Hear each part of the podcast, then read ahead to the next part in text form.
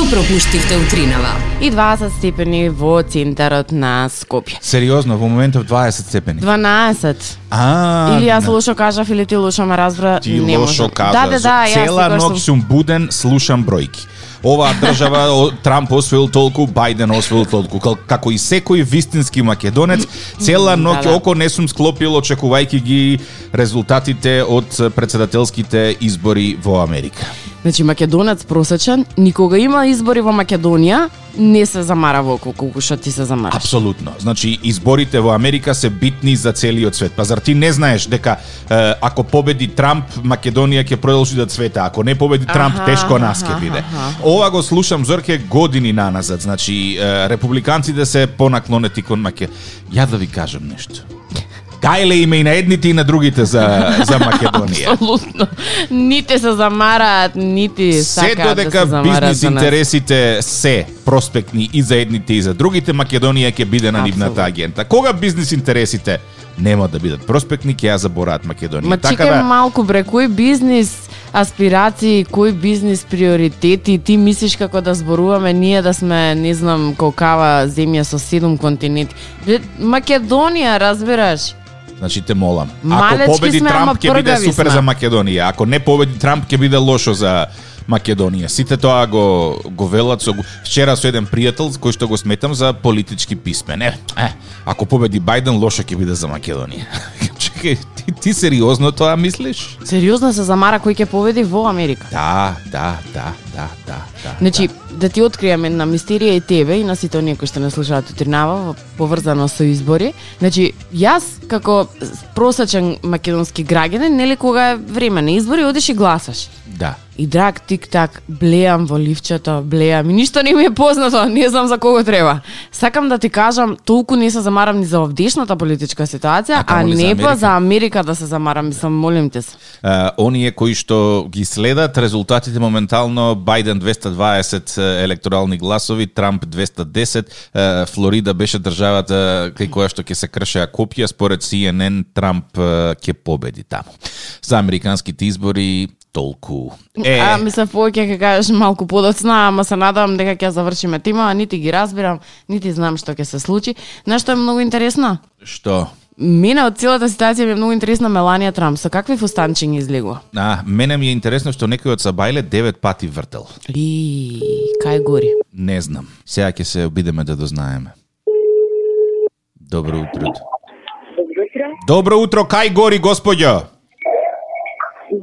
Кажете? Ништо, ништо грешка. Па пет пати вртите од Сабајле. Кажете, како да ви помогнеме? Грешка, грешка, грешка. Добро, нема проблем. Замисли да не беше грешка. 12 пати. добро, добро. Е, Тоа е тоа со упорноста, знаеш? Е, да, упорноста се исплати, нели? Не само што се исплати, имаше уште една друга македонска поговорка која не е за на радио, ама ја знаат. Ја знаеме, да, да, да.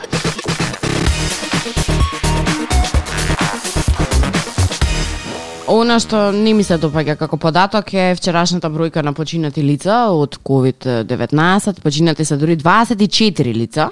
Е, она што исто така не ме радува е големата бројка на нови случаи на COVID-19, 913, од кои дури 459 се од Скопје. Велес е, рипна, кога е во прашање COVID, со 79 само вчера регистрирани. Исто така, од бројките поголеми кои што можам да ги забележам се Прилеп со 78 нови случаи, Битола со 33 случаи, Штип со 18, Куманово 25. Знаеш некако и на оние места каде што немаше толку многу, сега некако се се изравни со остатокот од градовите. Струмица 26, Гевгелија Добра е со 3 нови само, Крушево 3 нови, Пробиштип 2, Демирхисар 3, Пехчево и Берово по 1. Па, добро. Се надевам дека истите тие си седат дома и нема да се заразат останатите е, од нивното местенце, затоа што знаеш вак, по ваквите мали градови многу лесно се шират овие работи од проста причина што сите со сите се знаат и сите со сите си се блиски. Крушево долго време останува без е, заразени, ми се допаѓа она Крушево ќе остане Вчера после имаше три.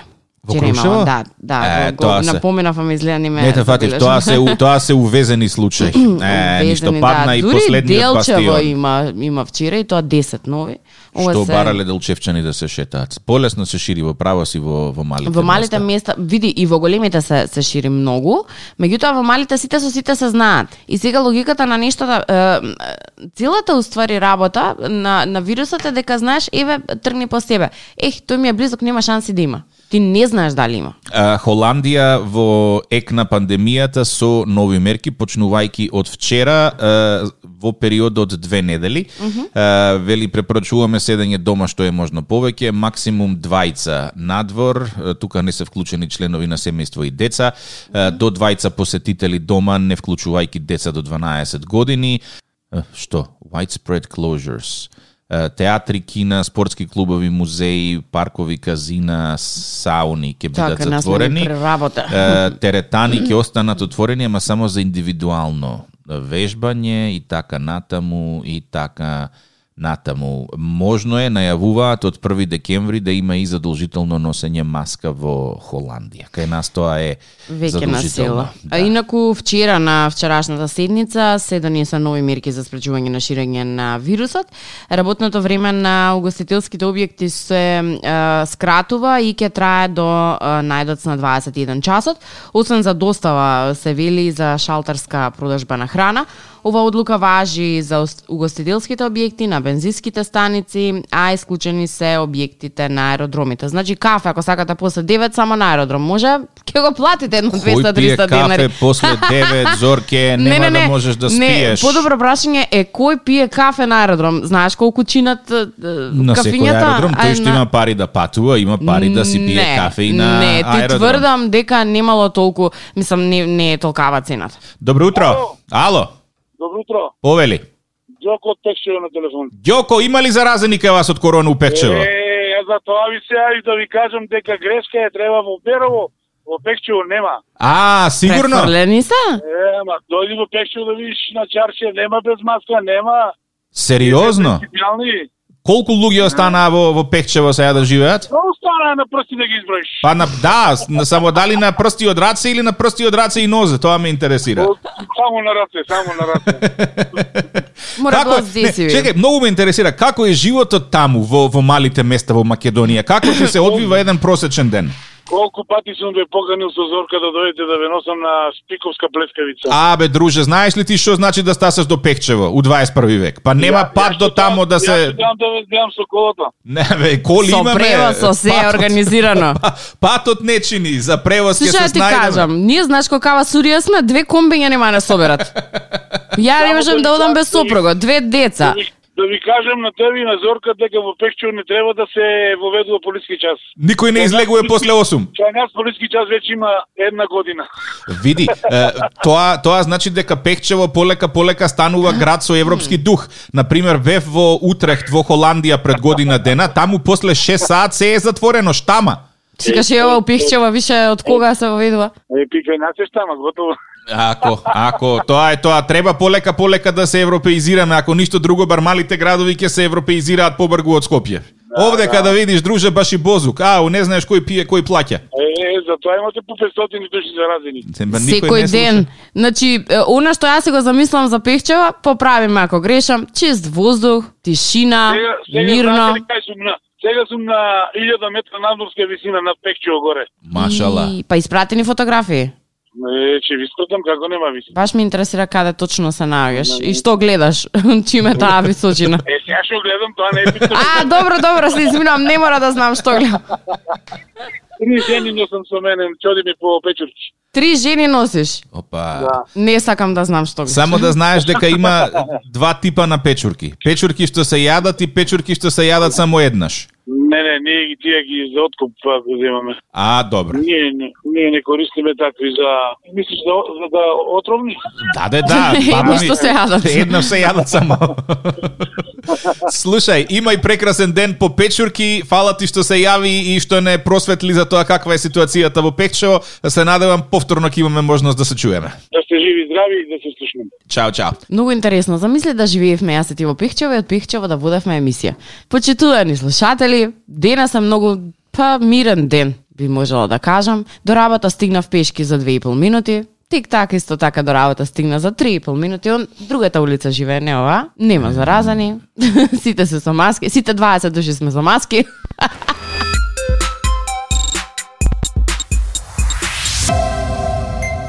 Надвор како да е рана пролет, а не рана есен. Преубаво време. Многу е убаво, да. И загадувањето во текот на денот е релативно ниско, во текот на вечерните часови се качуваат е, ПМ10 и ПМ2,5 частичките, ама кај да ќе преживееме. Од сите лоши работи кои што ни се случуваат, вчера на социјалните мрежи се појави една фотографија која што голем дел од нас не остави со подзината уста. Работно куче, Лабрадор, е, сликано со кеса во уста како поминува раскрсница на пешачки премин кај Црвен крст, вракајќи се најверојатно од зелено пазарче во насока кон е, Олимписки базен. Фотографијата стана хит на е, Facebook, а и на Twitter, затоа што никој не очекуваше дека во Македонија има куче кое што е дресирано да биде работно куче и да завршува некои домашни потреби за неговите собственици или за лицата кои што се грижат. Замисли Зорке да можеш да имаш е, такво куче кое што ќе ти ги завршува сите покупки Па реално на нас не ни требаат, мислам, на нас како нормални просечни граѓани кои што немаме никаков проблем, не ни требаат е, вакви кучиња, меѓутоа многу потреба имаат оние кои што не можат се сами да си завршат. Ваквата работа не е новитет во светот, тоа е новитет Да. кај нас. Е, имам Па се имам сочено, односно е, сретнато со повеќе луѓе кои што користат вакви кучиња. Можам да ти кажам дека се многу добро издресирани, значи не правиме муабет за обично куче, ке дојде да се гали, да го погалиш, да си играш со него, значи ова е строго куче издресирано за да помогне на оној кој што му е потребно. Да, и во процесот на дресура специфично се кажува дека не треба било кој да му дава награда, храна, да го гали, затоа што Апсолутно. треба да реагира само на една е, личност. А меѓу другото, лабрадорите во Финска почнаа да се користат и за детектирање на коронавирусот испотени марамчиња, а плюс исто така се познати и како кучиња спасувачи кои што може да детектираат луѓе кои што се исчезнати поради земјотреси или други природни катастрофи. Апсолутно, значи важноста на кучињата во во светски рамки е голема. Меѓутоа, тоа важи за секаде, освен за кај нас. На тема кучиња, односно напуштени миленици, Лајка обучува три тимови за заловување на кучиња скитници, така што мислам дека кучињата кои што се завршени на низ Скопските улици, уште долго-долго ќе чекаме додека не добијат топол дом. Се надам дека тоа ќе се случи пред да паднат минусните температури, затоа што тоа е ем, не само што нехумано и, и не здраво за нивното здравје, туку е, се повеќе и секој ден слушаме ем, поплаки дека некој некаде е изгризан од е, скитници и од кучиња. Чисто за пример ќе ти посочам дека е, мајка ме оди пешки до до своето работно место и вели наутро во во 6:30 кога одам до работното место, буквално скоро и да нема луѓе. Да? Меѓутоа има неколку глутници кучиња кои што ги поминувам редовно и вели на почетокот ми беше многу страв. Знаеш, не знаеш како реагираат. Дали ќе те е, забележа, дали ќе те грицне. да. Е, Сега вели веќе ги имам наречено и со имиња и доколку дома нешто јадеме што вклучува коски си ги носам со себе па им подам. Се не знам колку е тоа добра работа да да ги храниш. Мислам, не можеш да ја оставиш да не ги храниш, ама од друга страна пак знаеш веќе таа си прави некој вид на одбрамен механизам за да стигне до работното место, а не биде да изгризана или нападната од некоја глутница, затоа што вели најмалку има три од дома до до моето работно место. Незиното работно место че има оди пешки може да забележиш дека и некоја блиска релација, Да а И си да глутници на кучиње, тоа мислам дека е too much. Околу градски парк има исто така глутници на кучиња кои што се сконцентрирани и доста територијални, така да оние кои што шетаат домашни миленичиња од задната страна на паркот од кај е, градината, е, опасно е некогаш знаат да ти се пуштат тоа уличните брана територија. Се надевам дека Нормално лајка... е тоа да брана територија, но не е нормално да ги има во толков голем број и никој да не ги стационира, односно да не ги нели земе, нахрани, чипира, вакцинира, кастрира и така натаму и така натаму. Ја замислиме мене со две мали деца и со кученце. Значи таква ми е ситуацијата. И еве решам дека еден ден ќе одам да се прошетам. Знаеш што ќе се случи? Со две мали деца и со кученце. те изедат. Ќе ми изедат и Ќе мене и децата. Председателските избори во Америка се уште траат, гласови се уште се бројат. Царисте од Пехчево навива да победи Доналд Трамп, беше многу гласен Доналд Трамп да, да, да победи на овие избори. Јас се надевам дека доколку Доналд Трамп победи, на Ристо од Пекчево ќе му обезбеди еден семафор таму, бидејќи, нели, фајде има ти тие во Пекчево од победата на Трамп.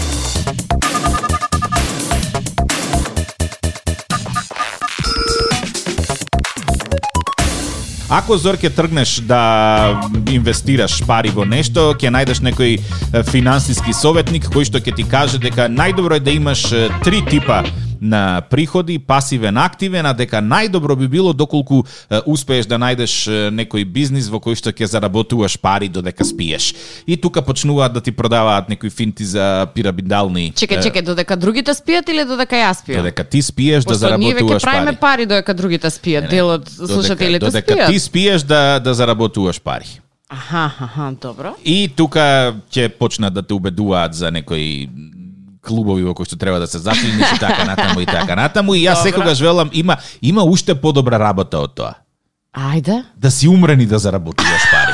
Што ке ти се тогаш? Нема мене не, не, не ми требаат, ама им требаат на моите поколенија, на моите деца, на моите внуци, на моите правнуци, зависи како си е, е наредена Тато, работата. тато, дај ми пари да излезам вечер, чека на дедот и буџетот ќе извадиме, не му треба на другиот свет. Смеј се, смеј се, ама листата на е, лица починати кои што заработуваат над 10 милиони долари годишно во 2019 година е фасцинантна. Како заработуваат ако се умрени, објасни ми. На име авторски права, на пример Принц заработил 12 милиони долари минатата година. Мерлин Монро заработила 13 милиони долари. Ај принц има песни, Мерлин Монро шо има? Портрети, фотографии, фустани што ги носела што се продаваат на аукции. Џон Ленон 14 милиони долари. Најверојатно на име на авторски права и тантиеми од музика.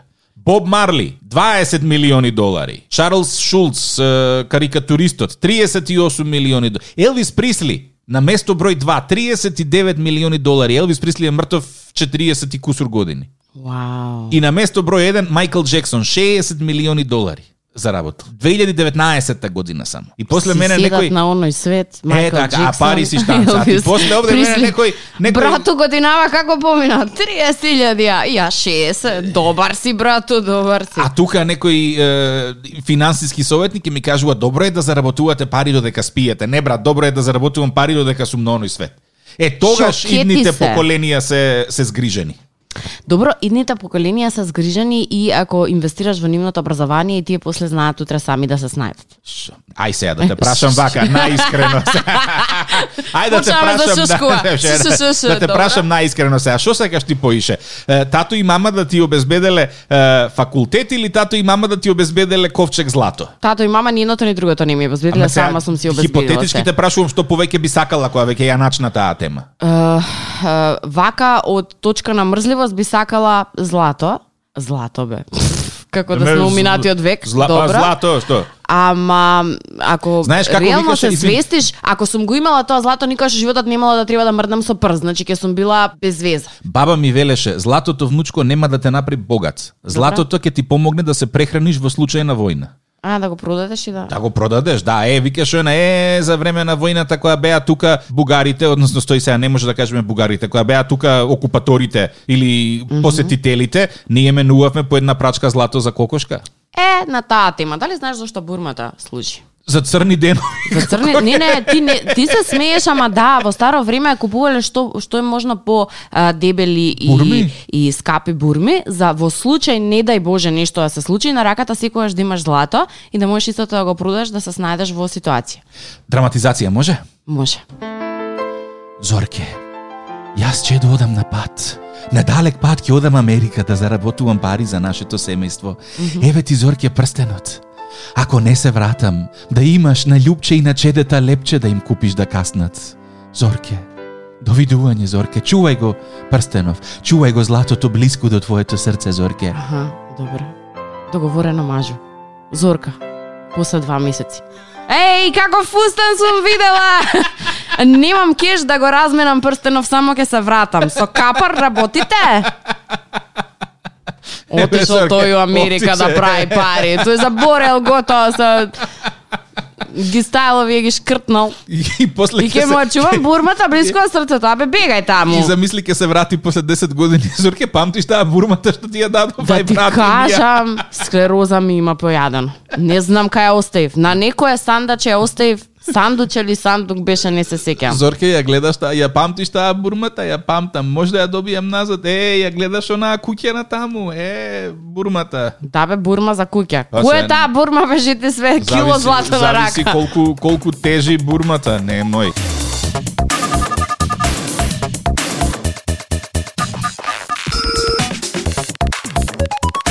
Ајде мал тест. Ајде. Вика, ако ги имате следните симптоми, кажувај со дај со не дали го имаш симптомот. Добро. Главоболка. Не. Јас го имам. Добро. Болка во телото. Е, не. Јас имам. Лош вид. М, да. Така, така. Кажеш, гледаш, не догледуваш? Гледам што ми одговара. Потешкоти во дишење, не. повисока температура, Не. Нијавања. Никогаш сте е, надвор од свест, несвесни. Мислиш, спаѓам во несвест? Па, така, ван свест, како да објаснам. Не. Добро.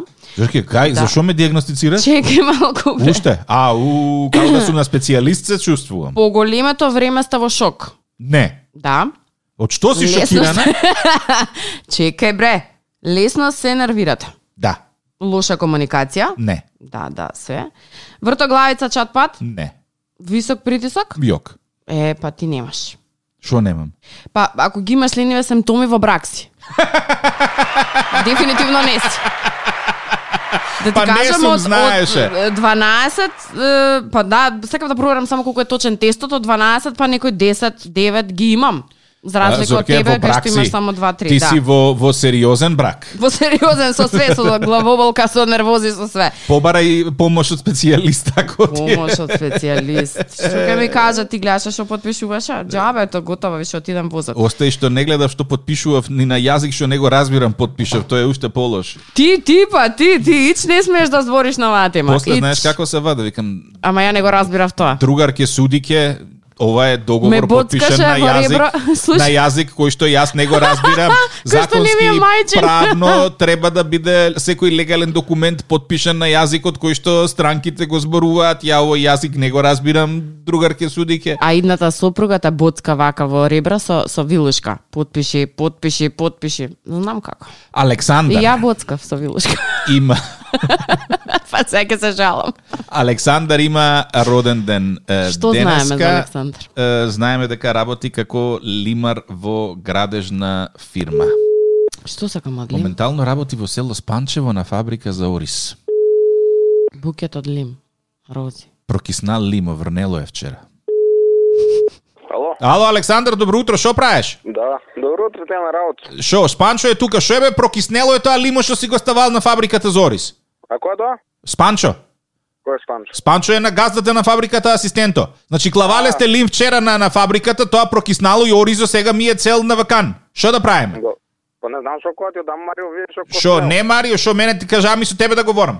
Не со мене, со Марио до древа. Ами шо, Марио, дека е Марио, чекај сега прво ја и ти да завршиме да се договориме како ќе правиме ресесија на штети и такви работи. Шо, на објекто ли сте сега од Сабајле? Не, не, не сме таму таа. Кога ќе одееш? Па не знам, не. Шо со шо ќе одеете? Со комбето ќе ве вода или со Ало? Тука сум. Че, дај ми го тој Александар бе Марио, некем со тебе да говорам. Александар, дај ми го. Александар? Ало? Е, де, чекај сега секретарка да те чуе сака.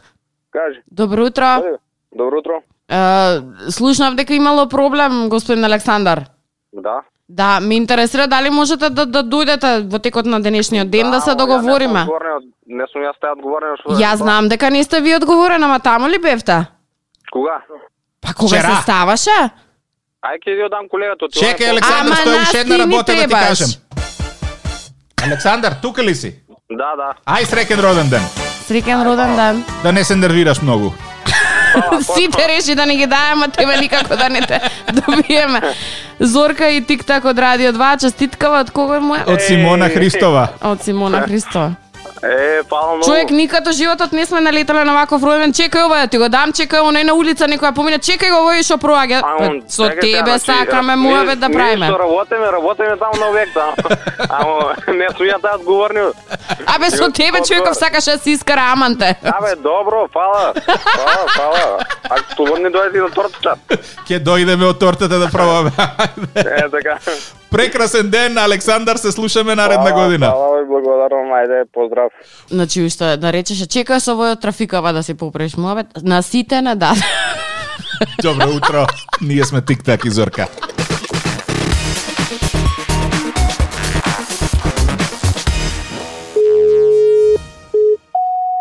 Ау, Треба факс да му пратам се. што е ова? Јас вакво нешто никогаш не сум чул во во животот. Ваков тон, тоа е Веројатно просто требаше да се телепортирам во факс. Фрррр. Вакво нешто На е неверојатно. Неверојатно. Вакво нешто не Ти сум имаш тисната таму некоја бројка плюс минус и за Одиме тоа мене. пат. Подобивте мејли. Оставете. А, ти оставиме порака. Ич не ќе вака кога ми се јавува Ништо, мистеријата ќе остане зошто го викаат Димче. Охо, Дејан исто така има роден ден. Ајде да видиме е, со Што Дејан. знаеме што за е. Дејан? Дејан е мајстор за е, настрешници.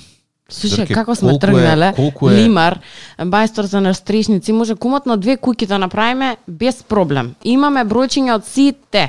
Си купив ја пентхаус на 40 кат. Ало, Ало, Дејан, добро утро, како си? добро утро. Работите? Или малце поранив? Не, Е, тамам. Тамам, добро. Драго ми е. Добро. А, прашање едно, друже. А, купив Кој? пент, а?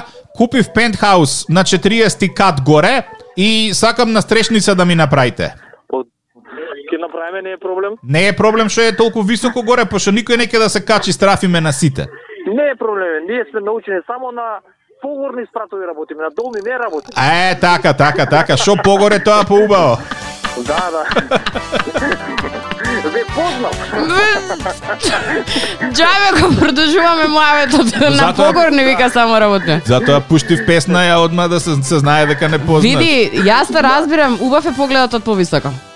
Да, убаво е. Така, знаеш и ти што сакаш. Среќен роден Зорке ден. некојаш и од доле убаво кога гледаш нагоре? Зависи што гледаш. Ај сега мислиш, мислиш дека не знам да ти вратам. Е, Среќен роден ден, само честитка од кого да кажеш? Честитка да ти од сите колеги од работа. Фала ви многу, бите живи и здрави. Фала ти на тебе. Фала. Се слушаме наредна прилика.